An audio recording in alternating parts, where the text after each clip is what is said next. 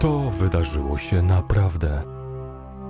Strach, przerażenie, intrygi i tajemnice. Takie historie piszą się same. Zapraszamy na Mroczne Kroniki. Odcinek trzeci. Upadek caratu. Zabójstwo cara Mikołaja II i jego rodziny. W dzisiejszym odcinku, zgodnie z obietnicą, zmienimy nieco epokę historyczną i opowiemy o wydarzeniach, które miały miejsce w XX wieku. Poruszymy historię, która może przerażać swoją bezwzględnością, a która owiana jest nutą tajemnicy i do dzisiaj pozostawia pole do licznych spekulacji i tworzenia teorii spiskowych. Opowiemy o morderstwie, którego ofiarami padli członkowie carskiej rodziny Romanowów. Jednocześnie pamiętajmy, że członkowie tego rodu nadal żyją rozsiani po świecie i przedstawiana przez nas historia dotyka ich szczególnie mocno, gdyż jest dla nich czymś całkowicie realnym, a nie tylko ciekawostką historyczną. Romanowowie byli rodziną carską władającą Rosją, ale przede wszystkim normalną rodziną, związaną uczuciami i więzami krwi, dbającą o siebie nawzajem i przeżywającą zwykłe domowe rozterki – Pamiętajmy o tym, słuchając dzisiejszej opowieści.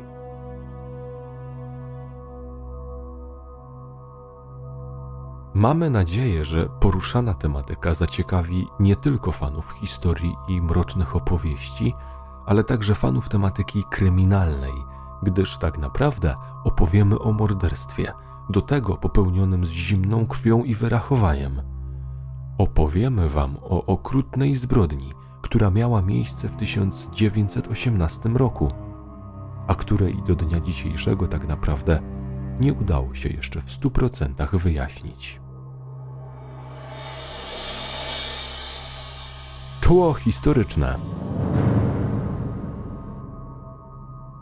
Tematyką dzisiejszego odcinka jest zabójstwo cara Mikołaja II i jego rodziny, które miało miejsce 103 lata temu w Jakaterynburgu mieście położonym w azjatyckiej części Rosji za górami Ural. Krótko opowiemy także o samym upadku caratu. Skupimy się zwłaszcza na ostatnich dniach życia carskiej rodziny, nie sposób jednak przejść do sedna bez pobieżnego zarysowania tła historycznego. Car Mikołaj II z dynastii Romanowów urodził się w 1868 roku, a formalnie następcą tronu i carem został w 1881.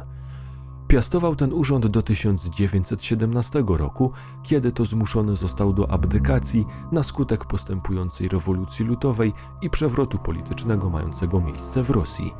Jego żoną była księżniczka Heska Alicja, która po ślubie przyjęła imię Aleksandry Fiodorowny i która, jak się później okazało, była ostatnią carycą rosyjską.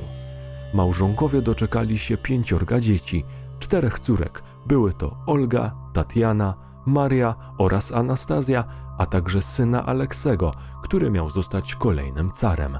Aleksy był najmłodszym z dzieci i urodził się w 1904 roku. Cała rodzina zginęła w nocy z 16 na 17 lipca 1918 roku na rozkaz bolszewików, którzy przejęli władzę w Rosji w 1917 roku.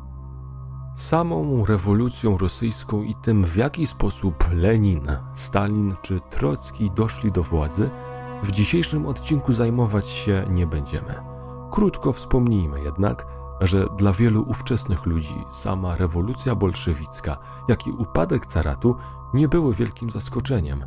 Rosja na przełomie XIX i XX wieku przeżywała kryzys gospodarczy i polityczny – a społeczeństwo trapione było ogromnymi podziałami i dysproporcjami. Z jednej strony w kraju panował system niemalże feudalny, a z drugiej strony nieudolnie próbowano przeprowadzać stosunkowo nowoczesne reformy, mające na celu rozwój przemysłu i nowych technologii. Kraj miał ogromny potencjał ludnościowy i surowcowy, a mimo to znaczna część obywateli utrzymywała się z rolnictwa, pracując przez 6 dni w tygodniu po 14 godzin na dobę na ogromnych posiadłościach feudałów, nie posiadając przy tym własnej ziemi. Z drugiej strony, w kraju rozwijała się warstwa bogatej arystokracji, żyjącej w przepychu, całkowicie oderwanej od realiów życia przeciętnego obywatela. Wszystko to rodziło nieustanne napięcie społeczne i pogłębiało panujący kryzys. Niewątpliwie Rosja na początku XX wieku potrzebowała także co najmniej kilkunastu lat pokoju, aby spróbować dogonić bogate kraje zachodnie. Jednak nie było jej to dane.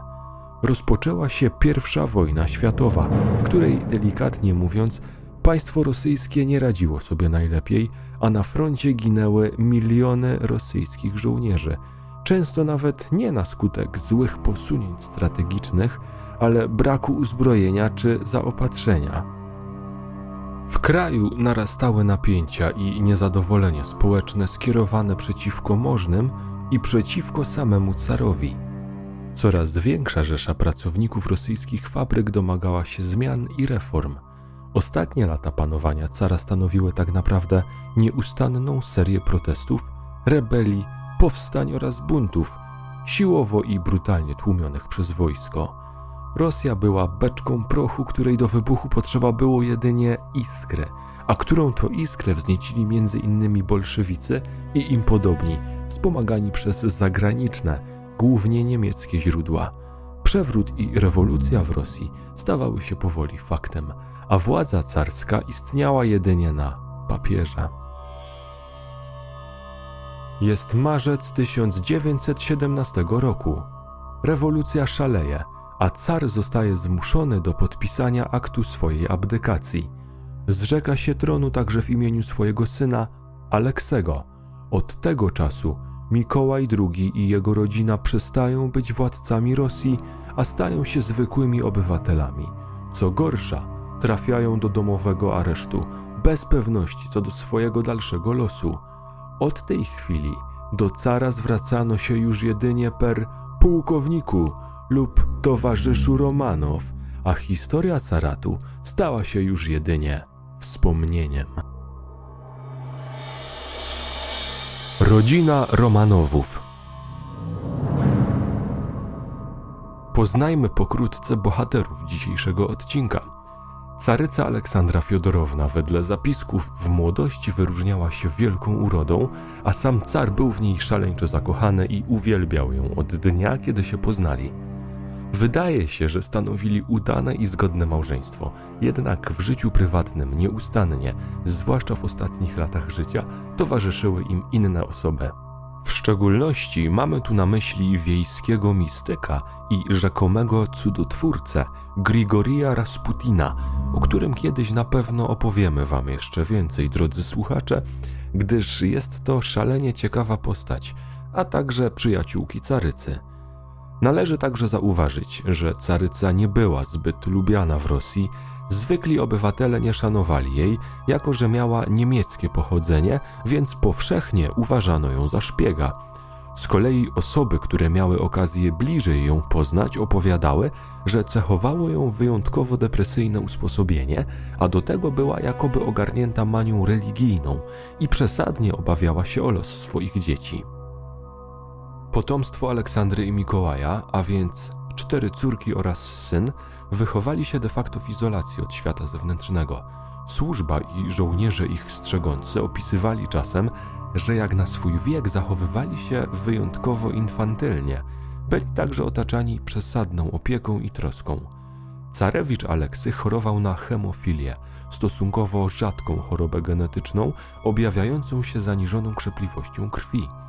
W tamtych czasach jej leczenie było trudne, co skutkowało często złym samopoczuciem następcy tronu oraz ograniczeniem mu normalnej aktywności fizycznej i przesadną opieką ze strony rodziców.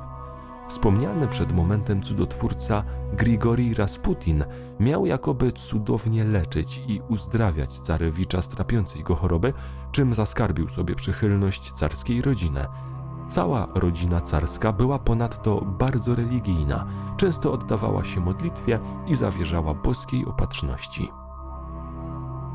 A jak to było z samym carem Mikołajem II? Z całą pewnością nie był najwybitniejszym władcą rosyjskim w historii, jednak nie cechowała go przesadna wrogość wobec obywateli czy nonszalancja.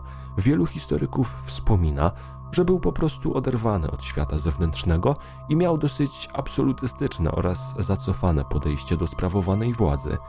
Postrzegał samego siebie jako wysłannika Boga, mającego pod opieką całą Rosję. Niewątpliwie kochał swój kraj, ale nie do końca radził sobie ze sprawowaniem władzy i pełnieniem roli gospodarza. Wierzył, że wszystkim i tak kieruje Bóg, a jego rolą jest podążanie zgodnie z wiatrem historii. Znaleźć można zapiski świadczące o tym, że prawdopodobnie posiadana władza momentami wręcz go przerastała. Po abdykacji, kiedy przebywał już w areszcie domowym i tak naprawdę już za nic nie odpowiadał, czuł dziwną ulgę, tak jakby zdjęto mu z pleców ogromny ciężar. Mógł wtedy troszczyć się już tylko o swoją rodzinę i skupić się wyłącznie na niej, co jak się wydaje bardzo mu odpowiadało. Aczkolwiek samej abdykacji nie przyjął łatwo i na pewno nie można powiedzieć, iż władzę oddał dobrowolnie. Z zachowanych zapisków wynika, że do ulubionych zajęć cara w okresie uwięzienia należało rąbanie drewna i zabawy z dziećmi, co poniekąd świadczyć może o jego usposobieniu, a także pokazuje cara jako zwykłego ojca rodziny. Abdykacja i areszt domowy. Po podpisaniu aktu abdykacji na początku 1917 roku, car Mikołaj II i jego rodzina pozostawali de facto w areszcie domowym. Nie zostały podjęte dalsze decyzje co do ich losu, z całą pewnością nikt z rodziny nie przeczuwał tego, co spotka ich za kilkanaście miesięcy i że zakończą swoje życie w tragiczny sposób. Początkowo sądzono, że cała carska rodzina zostanie przeniesiona do Anglii lub któregoś z krajów zachodnich, gdyż początkowo pojawiały się takie propozycje, a nawet zaproszenie ze strony tamtejszych władców. Ewentualnie sądzono, że Romanowowie zostaną zesłani do jakiegoś pomniejszego pałacyku na dalekie rubieże Rosji, gdzie będą mogli żyć w spokoju do swojej naturalnej śmierci. Zachowały się jednak zapiski świadczące o tym, że niektórzy zachodni dyplomaci rezydujący wtedy w Rosji przypuszczali już, że jeśli car zostanie w kraju, to może stracić życie. Wielu przywódców rewolucji bolszewickiej wypowiadało się wyjątkowo nieprzychylnie o Mikołaju II, obarczając go winą za wszystkie niepowodzenia Rosji na froncie wojennym, jak i stan gospodarki. Mijały dni, a przyszłość Romanowów dalej nie była znana. Rodzina marzyła o życiu na zachodzie, o podróży, snuła plany na przyszłość. W lipcu 1917 roku, jak grom z jasnego nieba, dotarła do nich informacja, że powinni się spakować, gdyż zostaną przesiedleni. Jak jednak usłyszeli, należało zabrać ze sobą dużo ciepłych ubrań, gdyż mieli dla własnego bezpieczeństwa przekroczyć Ural. Rodzina carska była zawiedziona, ale spokojna. Na swój sposób cieszyli się, że nie zostaną wydaleni za granicę i pozostaną w ukochanej przez nich Rosji. Po kilku dniach cała rodzina wyruszyła na wschód, zabierając ze sobą lekarza, kucharzy, dworzan, nauczycieli dla dzieci czy pokojówki, a także mnóstwo bagażu. Rozpoczęła się ostatnia podróż rodziny Romanowów, z której jej członkowie mieli już nigdy nie wrócić. Tobolsk, obwód tiumieński, około 2,5 tysiąca kilometrów na wschód od Moskwy. Rodzina carska zbliżającą się zimę spędzić miała w Tobolsku, mieście odciętym od świata przez zamarzniętą rzekę i ogromne połacie śniegu. Tobolsk w tamtych czasach stanowił tradycyjną osadę, gdzie Romanowowie mogli raczej czuć się bezpiecznie, gdyż okoliczni mieszkańcy okazywali im należyty szacunek. Rodzina zamieszkać miała w dotychczasowej rezydencji gubernatora. Jak się okazało po przyjeździe, budynek był ogołocony z mebli i dosyć zrujnowany, a łazienki były w opłakanym stanie. W mieście nie było utwardzonych dróg. Wyobraźmy sobie, jak wielkim szokiem musiało to być dla carskiej rodziny, a zwłaszcza ich dzieci, które przyzwyczajone były do życia na zupełnie innym poziomie. Pamiętajmy też, że Romanowowie nadal oficjalnie przebywali w areszcie. Ograniczono im wyjścia, de facto mogli przebywać jedynie na terenie wspomnianej posiadłości oraz w ogrodzie. Członkowie rodziny starali się znaleźć sobie jakąś rozrywkę. Czytali książki, dziewczęta szyły, nauczyciele udzielali lekcji, wszyscy grali w gry planszowe, a car rąbał drewno. Wieczory szybko stawały się coraz dłuższe i zbliżała się zima. Jednak nikt z rodziny nie narzekał na obecną sytuację i wszyscy cieszyli się najbardziej z tego, że mogą przebywać w tym areszcie razem oraz że nikt nie wspomniał o rozdzieleniu cara od reszty familii. Służba i pilnujący ich żołnierze notowali, że nikt z carskiej rodziny nie skarżył się na panujące warunki ani nie dopytywał gniewnie, co to wszystko ma znaczyć. Wręcz przeciwnie, wszyscy dzielnie znosili trudy aresztu i starali się odnosić wobec siebie nawzajem pozytywnie, a do pilnujących ich żołnierzy z szacunkiem. Nadeszła zima. Mróz na zewnątrz sięgał 55 stopni poniżej zera. W domu panowała temperatura niewiele wyższa, bo minus 45 stopni, gdyż dom był nieszczelny. Cała rodzina i służba tłoczyli się dookoła ognia. Po czasie aresztantom ograniczono posiłki, a standardem stały się jedynie typowo żołnierskie racje. Uczynni mieszkańcy Tobolska przynosili carskiej rodzinie dodatkowe jedzenie. Romanowowie znaleźli się w niezwykłym jak dla siebie ubóstwie. W tym czasie w kraju toczyły się zacięte walki o władzę. Bolszewicy wiedzieli, że raz zdobytej władzy oddać nie zamierzają. Jednocześnie jednak zaczęła szerzyć się opozycja przeciwko nim. Lenin i inni przywódcy rewolucyjni zaczęli sobie zdawać sprawę z faktu, że uwięziona carska rodzina stanowić może cenną kartę przetargową i Romanowowie nie mogą trafić w ręce tzw. Tak białych, czyli przeciwników politycznych bolszewików, coraz częściej wspominających o konieczności przywrócenia w kraju poprzedniego ustroju politycznego. Jednocześnie jednak obawiano się także reakcji cywilizowanego świata na wieści o ewentualnej śmierci cara lub któregoś z członków jego rodziny. Sytuacja prawna i formalna eks-cara i jego rodziny była trudna, z czego sami zainteresowani jednak nie do końca zdawali sobie sprawę. Przełom roku 1917 i 1918 obfity był w doniosłe wydarzenia mające miejsce zarówno w Rosji, jak i na arenie międzynarodowej. Mamy tu na myśli zarówno losy rewolucji rosyjskiej, jak i działania na arenie trwającej jeszcze wojny światowej. Do przybywających za Uralem Romanowów docierały jednak jedynie szczątki tych informacji. Ostatecznie w pierwszej połowie 1918 roku carska rodzina przeniesiona została do Jakaterynburga, miasta położonego na południowy zachód od Tobolska. Jakaterynburg, obwód Swierdłowski, około 1700 km na wschód od Moskwy.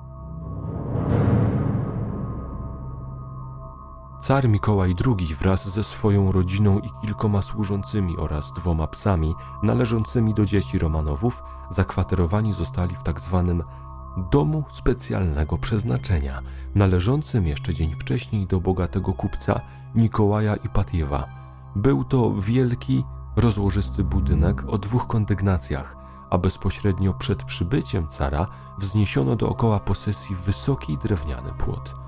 Ponadto Szyb w wielu oknach zamalowano na biało, aby uniemożliwić więźniom wyglądanie na zewnątrz. Carska rodzina zamieszkała na piętrze, natomiast na parterze ulokowano strażników. Posiadłości przez całą dobę strzegli uzbrojeni żołnierze, aczkolwiek pamiętajmy, że ich rolą nie była ochrona Romanowów przed obcymi, a raczej pilnowanie, aby carska rodzina nie uciekła lub nie została odbita przez obce wojska. Jak się wydaje, aresztantom trudniej było żyć w Jakaterynburgu, aniżeli w Tobolsku. Znajdowali się teraz pod iście ścisłą obserwacją, a kwaterę mogli opuszczać jedynie na kilka godzin dziennie, przebywając na podwórzu. Do jedzenia dostawali głównie ciemny chleb i zupę.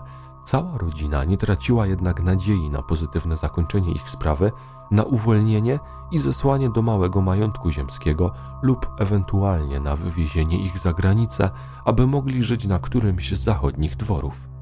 27 czerwca 1918 roku, a więc około dwa miesiące po zakwaterowaniu w Jakaterynburgu, car otrzymał tajną wiadomość, że wkrótce jakiś oficer przyjdzie mu z odsieczą. Rodzina spędziła całą noc w ubraniach, gotując się do drogi.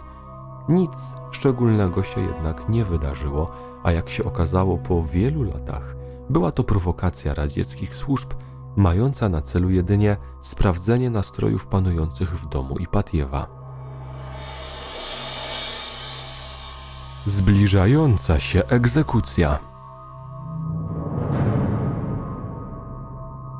Mniej więcej na początku lipca 1918 roku do domu specjalnego przeznaczenia, w którym przebywali Romanowowie, przybył niejaki Jakow Jurowski – kierujący niewielkim oddziałem gwardzistów. Jak się później okazało, odegrał on kluczową rolę w całej tej historii. Był to mieszkaniec Jakaterynburga, który przed wojną prowadził studio fotograficzne, miał żonę i dzieci, a po wybuchu rewolucji rosyjskiej dołączył do lokalnej komórki Czeki, czyli tajnej radzieckiej policji. W tym samym czasie walka pomiędzy bolszewikami a ich przeciwnikami, czyli białymi, rozgorzała na dobre. Opozycyjne wojska były coraz bliżej Jakaterynburga i dla komunistów jasne stawało się, że car nie może wpaść w ręce białych. Prawdopodobnie na początku lipca kierownictwo bolszewików podjęło decyzję o pozbyciu się cara i jego rodzinę. Nie chciano, aby zostali uwolnieni przez wojsko i wywyższeni na marionetkowych władców. Jednocześnie istotne było, aby całość utrzymywać w ścisłej tajemnicy, gdyż obawiano się reakcji zachodniego świata na wieść o śmierci całej carskiej rodziny, a zwłaszcza tego, aby nie uznano ich za męczenników rewolucji. Kto miał zająć się ostatecznym wykonaniem tego ponurego zadania? Ano wspomniany przez nas przed chwilką Jakow Jurowski, bolszewik z kruczo-czarną czupryną i bujnym zarostem – któremu oczywiście pomagali podlegli mu gwardziści, w tym człowiek o nazwisku Jermakow, o którym będzie jeszcze mowa, a który wykazywał w przeszłości psychopatyczne skłonności i który miał problemy z alkoholem. Scena zbrodni. Tej chwili przejdźmy do sedna dzisiejszego odcinka. Uprzedzamy jednak, że niektóre z opisywanych zdarzeń mogą być nieodpowiednie dla wrażliwych słuchaczy. To, co dokładnie wydarzyło się w nocy z 16 na 17 lipca 1918 roku w Jakaterynburgu, nie zostało tak naprawdę w stu procentach wyjaśnione. Relacje uczestników tych zdarzeń i świadków różnią się w niektórych miejscach znacząco. Z jednej strony wyłania się z tego obraz okrutnej, i brutalnej zbrodni zrealizowanej z premedytacją. Z drugiej strony obraz najprawdziwszej prowizorki i chaosu. Zanotujmy też, że wielu z gwardzistów i katów biorących udział w wydarzeniach tej nocy było prawdopodobnie pijanych. Od początku wszystkich członków carskiej rodziny zamierzano pospiesznie rozstrzelać i pozbyć się ciał w niezauważalny sposób zanim wojska białych dotrą do miasta. Jednak jak napisał w notatce służbowej sporządzonej po całej akcji sam Jakow Jurowski, rozstrzeliwanie ludzi nie jest taką prostą sprawą, jak mogłoby się niektórym wydawać. Żołnierze wyznaczeni do plutonu egzekucyjnego stanowili w większości nierosyjscy najemnicy, a więc na wieść o planowanym zadaniu nie drgnęła im nawet powieka. Dowódca całej akcji, Jurowski, polecił swoim podwładnym pod przewodnictwem Jermakowa znaleźć opuszczone miejsce, gdzie dałoby się niezauważalnie pozbyć zwłok całej rodziny. Ostatecznie zdecydowano się wykorzystać do tego celu znajdującą się kilkanaście kilometrów od miasta, opuszczoną przez górników sztolnię. Jermakow zorganizował także ciężarówkę, dużo benzyny, kwasu siarkowego oraz drewna opałowego – Wszystkie te zapasy pozostawiono we wspomnianej sztolni, której przez noc miał pilnować strażnik. Nadszedł sądny dzień 16 lipca 1918 roku, ostatni dzień życia cara Mikołaja II i jego rodzinę. Zbliżały się wydarzenia, których nie spodziewali się nawet w najczarniejszych snach. Ciągle żyli przecież nadzieją, że zostaną uwolnieni lub wywiezieni do przytulnego majątku ziemskiego oraz że ich los się poprawi. Gdy nadeszła noc, pod dom Ipatiewa podjechała przygotowana ciężarówka z paką wyładowaną kocami. Po otrzymaniu ustalonego sygnału, samochód miał podjechać pod drzwi prowadzące do piwnicy domu i zatrzymać się tam z włączonym silnikiem, którego dźwięk miał stłumić padające strzały. Jakow Jurowski podjął decyzję, że najlepszym miejscem na egzekucję będzie na wpół podpiwniczone pomieszczenie domu, znajdujące się z tyłu posiadłości. Miało ono powierzchnię około 5,5 na 3,5 metra. Drzwi pokoju były na tyle szerokie, aby mogli stanąć w nich egzekutorze. Jurowski i gwardziści stwierdzili, że wraz z carską rodziną zginąć muszą także ich służący przebywający w domu Ipatiewa. Oszczędzono jedynie kuchcika Leonida, gdyż nie okazywał carskiej rodzinie służalczości i po prostu wykonywał swoją pracę. Z kolei reszta służby uznana została za carskich pachołków.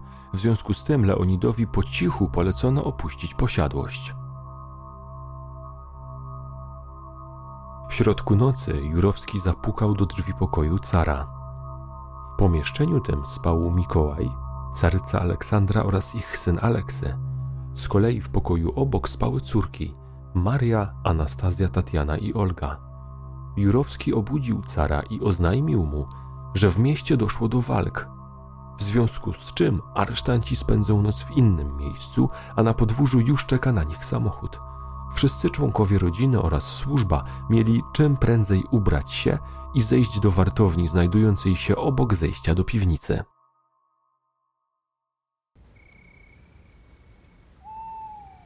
Po około godzinie wszyscy zeszli na dół.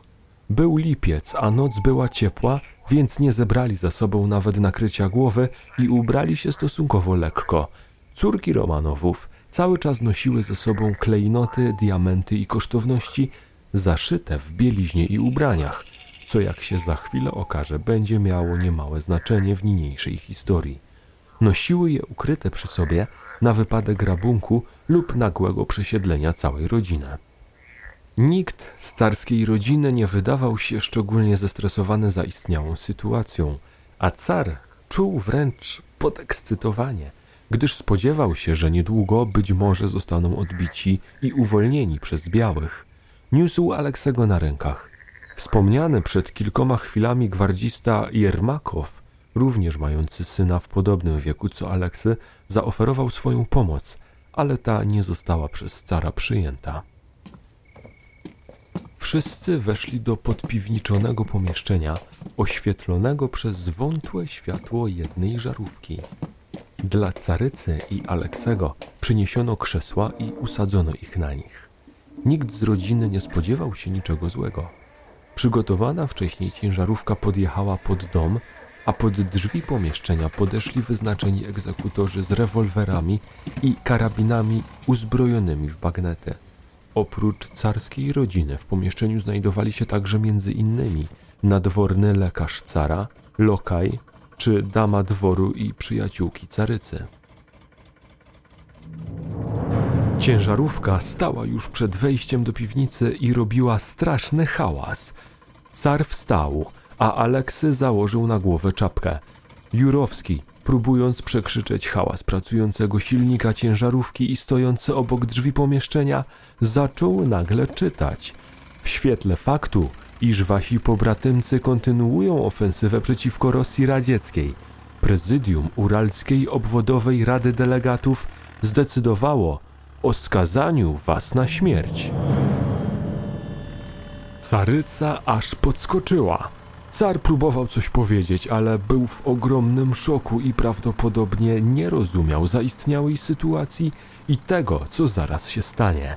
Jurowski natychmiast wyciągnął pistolet i strzelił w kierunku cara, zabijając go na miejscu. Jermakow w tej samej chwili zaczął strzelać do carycy Aleksandry, a pozostali egzekutorzy zaczęli oddawać strzały w kierunku córek cara i pozostałych osób znajdujących się w pomieszczeniu. Ofiary zaczęły przeraźliwie krzyczeć i rozpętało się prawdziwe piekło. Zapanował niewyobrażalny chaos, jako że pomieszczenie było małe i słabo oświetlone, a wszechobecny dym i kurz wzbijany przez rykoszetujące kule uniemożliwiały skuteczne celowanie do ofiar. Pamiętajmy, że pomieszczenie było naprawdę małe jak na ilość osób w nim zgromadzonych. Egzekutorzy musieli kilka razy przeładowywać broń, a żyjące jeszcze ofiary krzyczały i płakały niewyobrażalnie. Strzelający stali tak naprawdę w progu pomieszczenia i strzelali sobie wzajemnie przez ramię. Kule przelatywały im obok uszu, a do tego odbijały się od kamiennych ścian, więc jeden z zabójców został ranny w ramię. Dwóch, trzech minutach chaotycznej strzelaniny, kiedy dym trochę opadł, oprawcy zrozumieli, że niektórzy członkowie rodziny nadal żyją. Olga, Tatiana i Anastazja zbiły się razem w gromadkę i krzyczały opętańczo. Jurowski podszedł do nich i strzelił Tatianie prosto w głowę, obryzgując pozostałe siostry jej krwią i mózgiem. Następnie Jermakow przewrócił Olgę i strzelił jej w szczękę. Anastazja też nadal żyła, więc Jermakow przyparł ją do ściany i począł dźgać bagnetem, ale zaszyte w jej ubraniach klejnoty i diamenty działały jak zbroja. W końcu wyjął pistolet i strzelił jej prosto w głowę. Carewicz Aleksy przez cały czas siedział na krześle sparaliżowany ze strachu, więc podszedł do niego Jurowski i zabił go dwoma strzałami prosto w głowę. W końcu wrzawa, strzały i płacz ucichły. Dało się słyszeć już tylko silnik ciężarówki. Pokój był pełen dymu, a podłoga śliska od wszechobecnej krwi. Gwardziści poczęli przeszukiwać ciała zabitych. Następnie owinięte w koce trupy wrzucono na pakę ciężarówki, a następnie powieziono je w kierunku sztolni poza miastem. Podczas wynoszenia ciał Dwie córki cara ocknęły się i zaczęły harczeć, a więc nadal żyły. Jermakow ponownie złapał za bagnet i zaczął je opętańczo dobijać. Na ten widok dwaj żołnierze stojący obok ciężarówki zwymiotowali. W domu Ipatiewa pozostawiono kilku mężczyzn, których zadaniem było uprzątnięcie pomieszczenia i pozbycie się śladów krwi. Była druga w nocy – a jako że w lipcu noce w Jakaterynburgu są krótkie, zaczęło już świtać, kiedy ciężarówka w końcu dotarła do umówionego miejsca niedaleko sztolni. Było to niedaleko wsi o nazwie Koptiaki. Cały teren ogrodzono kordonem żołnierzy zorganizowanych przez Jermakowa, jako że z dystansu dało się zauważyć okolicznych mieszkańców kręcących się po okolicy. 17 lipca do obiegu wypuszczono oficjalną ulotkę, zgodnie z którą Mikołaj II Romanow został zastrzelony, a jego rodzina została przeniesiona w bezpieczne miejsce. Sam pochówek i pozbywanie się ciał zamordowanej rodziny jawi się jako jeden wielki chaos i obrazuje nieprzygotowanie Jurowskiego i gwardzistów do całej operacji. Prawdopodobnie wielokrotnie zmieniano miejsca planowanego ukrycia ciał. Ciężarówka ze zwłokami podobno przez kilka dni krążyła po okolicznych lasach. Pojawiły się także najróżniejsze pomysły, od spalenia ciał w ognisku, po oblewanie ich kwasem siarkowym, aż po wrzucenie zwłok do sztolni i zasypanie jej z użyciem granatów. Ostatecznie trupy zamordowanych prawdopodobnie najpierw rozebrano do naga, a wszystkie ubrania spalono w jednym miejscu. Następnie zwłoki wrzucono do upatrzonej sztolni, ale okazała się ona bardzo płytka i woda nawet nie przykrywała ciał. Jurowski wpadł w popłoch, gdyż cały jego plan zaczął się sypać. Obawiał się przede wszystkim rozniesienia się wieści o zamordowaniu całej carskiej rodziny i odkrycia zwłok przez gapiów. Ostatecznie 19 lipca ciała wydobyto z szybu i przewieziono w inne miejsce. Prawdopodobnie ciała dzieci Aleksego i Marii spalono na ogromnym ognisku, a następnie zakopano. Z kolei resztę ciał oblano kwasem siarkowym, dopiero później spalono, a pozostałe po nich kości również zakopano, ale już w innym miejscu. Wersje co do pochówku Romanowów i tego, jak przebiegały te wydarzenia, są jednak mocno rozbieżne. Tydzień po śmierci Romanowów do Jakaterynburga wkroczyły wojska białych. Od razu przystąpiono do rewizji domu i Patiewa. Odnaleziono ślady po kulach i krwi oraz dziury po uderzeniach bagnetów. Na podwórku biegał na wpół zagłodzony pies Aleksego. Nikt nie wiedział nic więcej, a po mieście krążyły tylko plotki o tym, co w rzeczywistości stało się z carem i jego rodziną. Brakowało konkretnych śladów, którymi można by podążyć. Od tej chwili rozpoczęła się nie mająca końca epopeja poszukiwania ciał rodziny carskiej, wyjaśniania okoliczności tej zbrodni, tuszowania śladów i odkrywania poszlak. Tak naprawdę do dnia dzisiejszego w stu procentach nie udało się wyjaśnić wszystkich okoliczności tamtych dni. Momentalnie zaczęły tworzyć się teorie spiskowe, a sami komuniści dopiero w latach trzydziestych oficjalnie przyznali, że cała carska rodzina została rozstrzelana. Sam Jakow Jurowski po latach szczycił się swoim dokonaniem i uważał się za bohatera rewolucji, który wymierzył carowi dziejową sprawiedliwość. Ciąg dalszy historii Romanowów.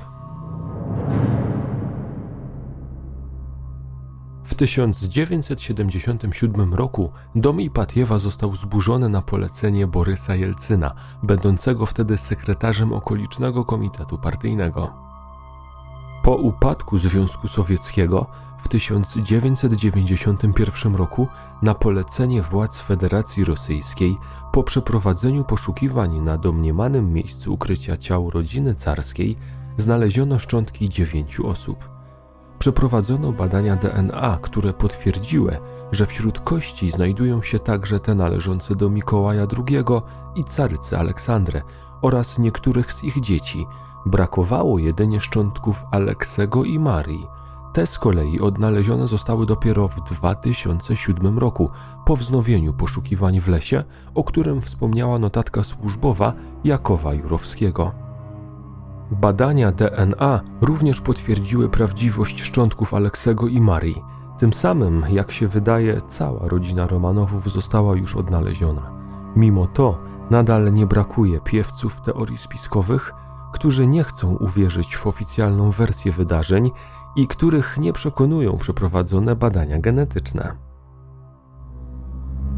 W 1998 roku odbył się uroczysty pogrzeb rodziny cara, w którym wziął udział także prezydent Borys Jelcyn oraz kilkadziesiąt potomków rodu Romanowów, a cała ceremonia miała uroczysty i podniosły charakter.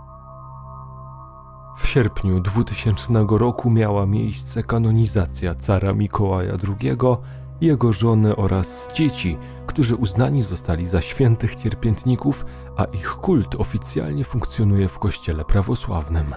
W 2008 roku Sąd Najwyższy Federacji Rosyjskiej zdecydował o uznaniu Mikołaja II za ofiarę radzieckich represji. Na przestrzeni kolejnych kilkudziesięciu lat po śmierci Romanowów Począwszy od lat dwudziestych XX wieku, na całym świecie pojawiły się niezliczone rzesze rzekomych dzieci Romanowów, które w cudowny sposób miały jakoby ocaleć z masakry mającej miejsce w Jakaterynburgu. Żadna z tych osób nie potrafiła jednak w przekonujący sposób udowodnić swojego pochodzenia i prawdoschedy po rodzinie Romanowów. Bodaj najbardziej znaną tego typu postacią była kobieta zwana Anną Anderson, która przez kilkadziesiąt lat twierdziła, że jest Anastazją, córką cara Mikołaja II. W 1970 roku, po kilkudziesięciu latach procesu, sąd wydał jednak werdykt, w którym stwierdził, że nie ma dowodów wskazujących na prawdziwość jej wersji wydarzeń i tego, że rzeczywiście jest córką cara. Mimo to domniemani potomkowie carskiej rodziny pojawiali się nadal i znajdowali sobie całe rzesze zwolenników.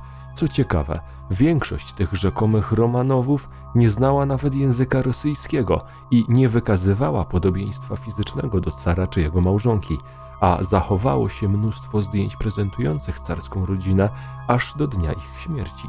Nie znali też liturgii prawosławnej. Nie stanowiło to jednak dla nich przeszkody, aby obwoływać samych siebie potomkami cara Mikołaja II. Interesujące jest także to, że nikt z domniemanych potomków nigdy nie starał się o spotkanie z pozostałymi, cudownie ocalałymi członkami carskiej rodziny, a co więcej, każdy z nich twierdził, że jest tym jednym jedynym ocalałym z masakry.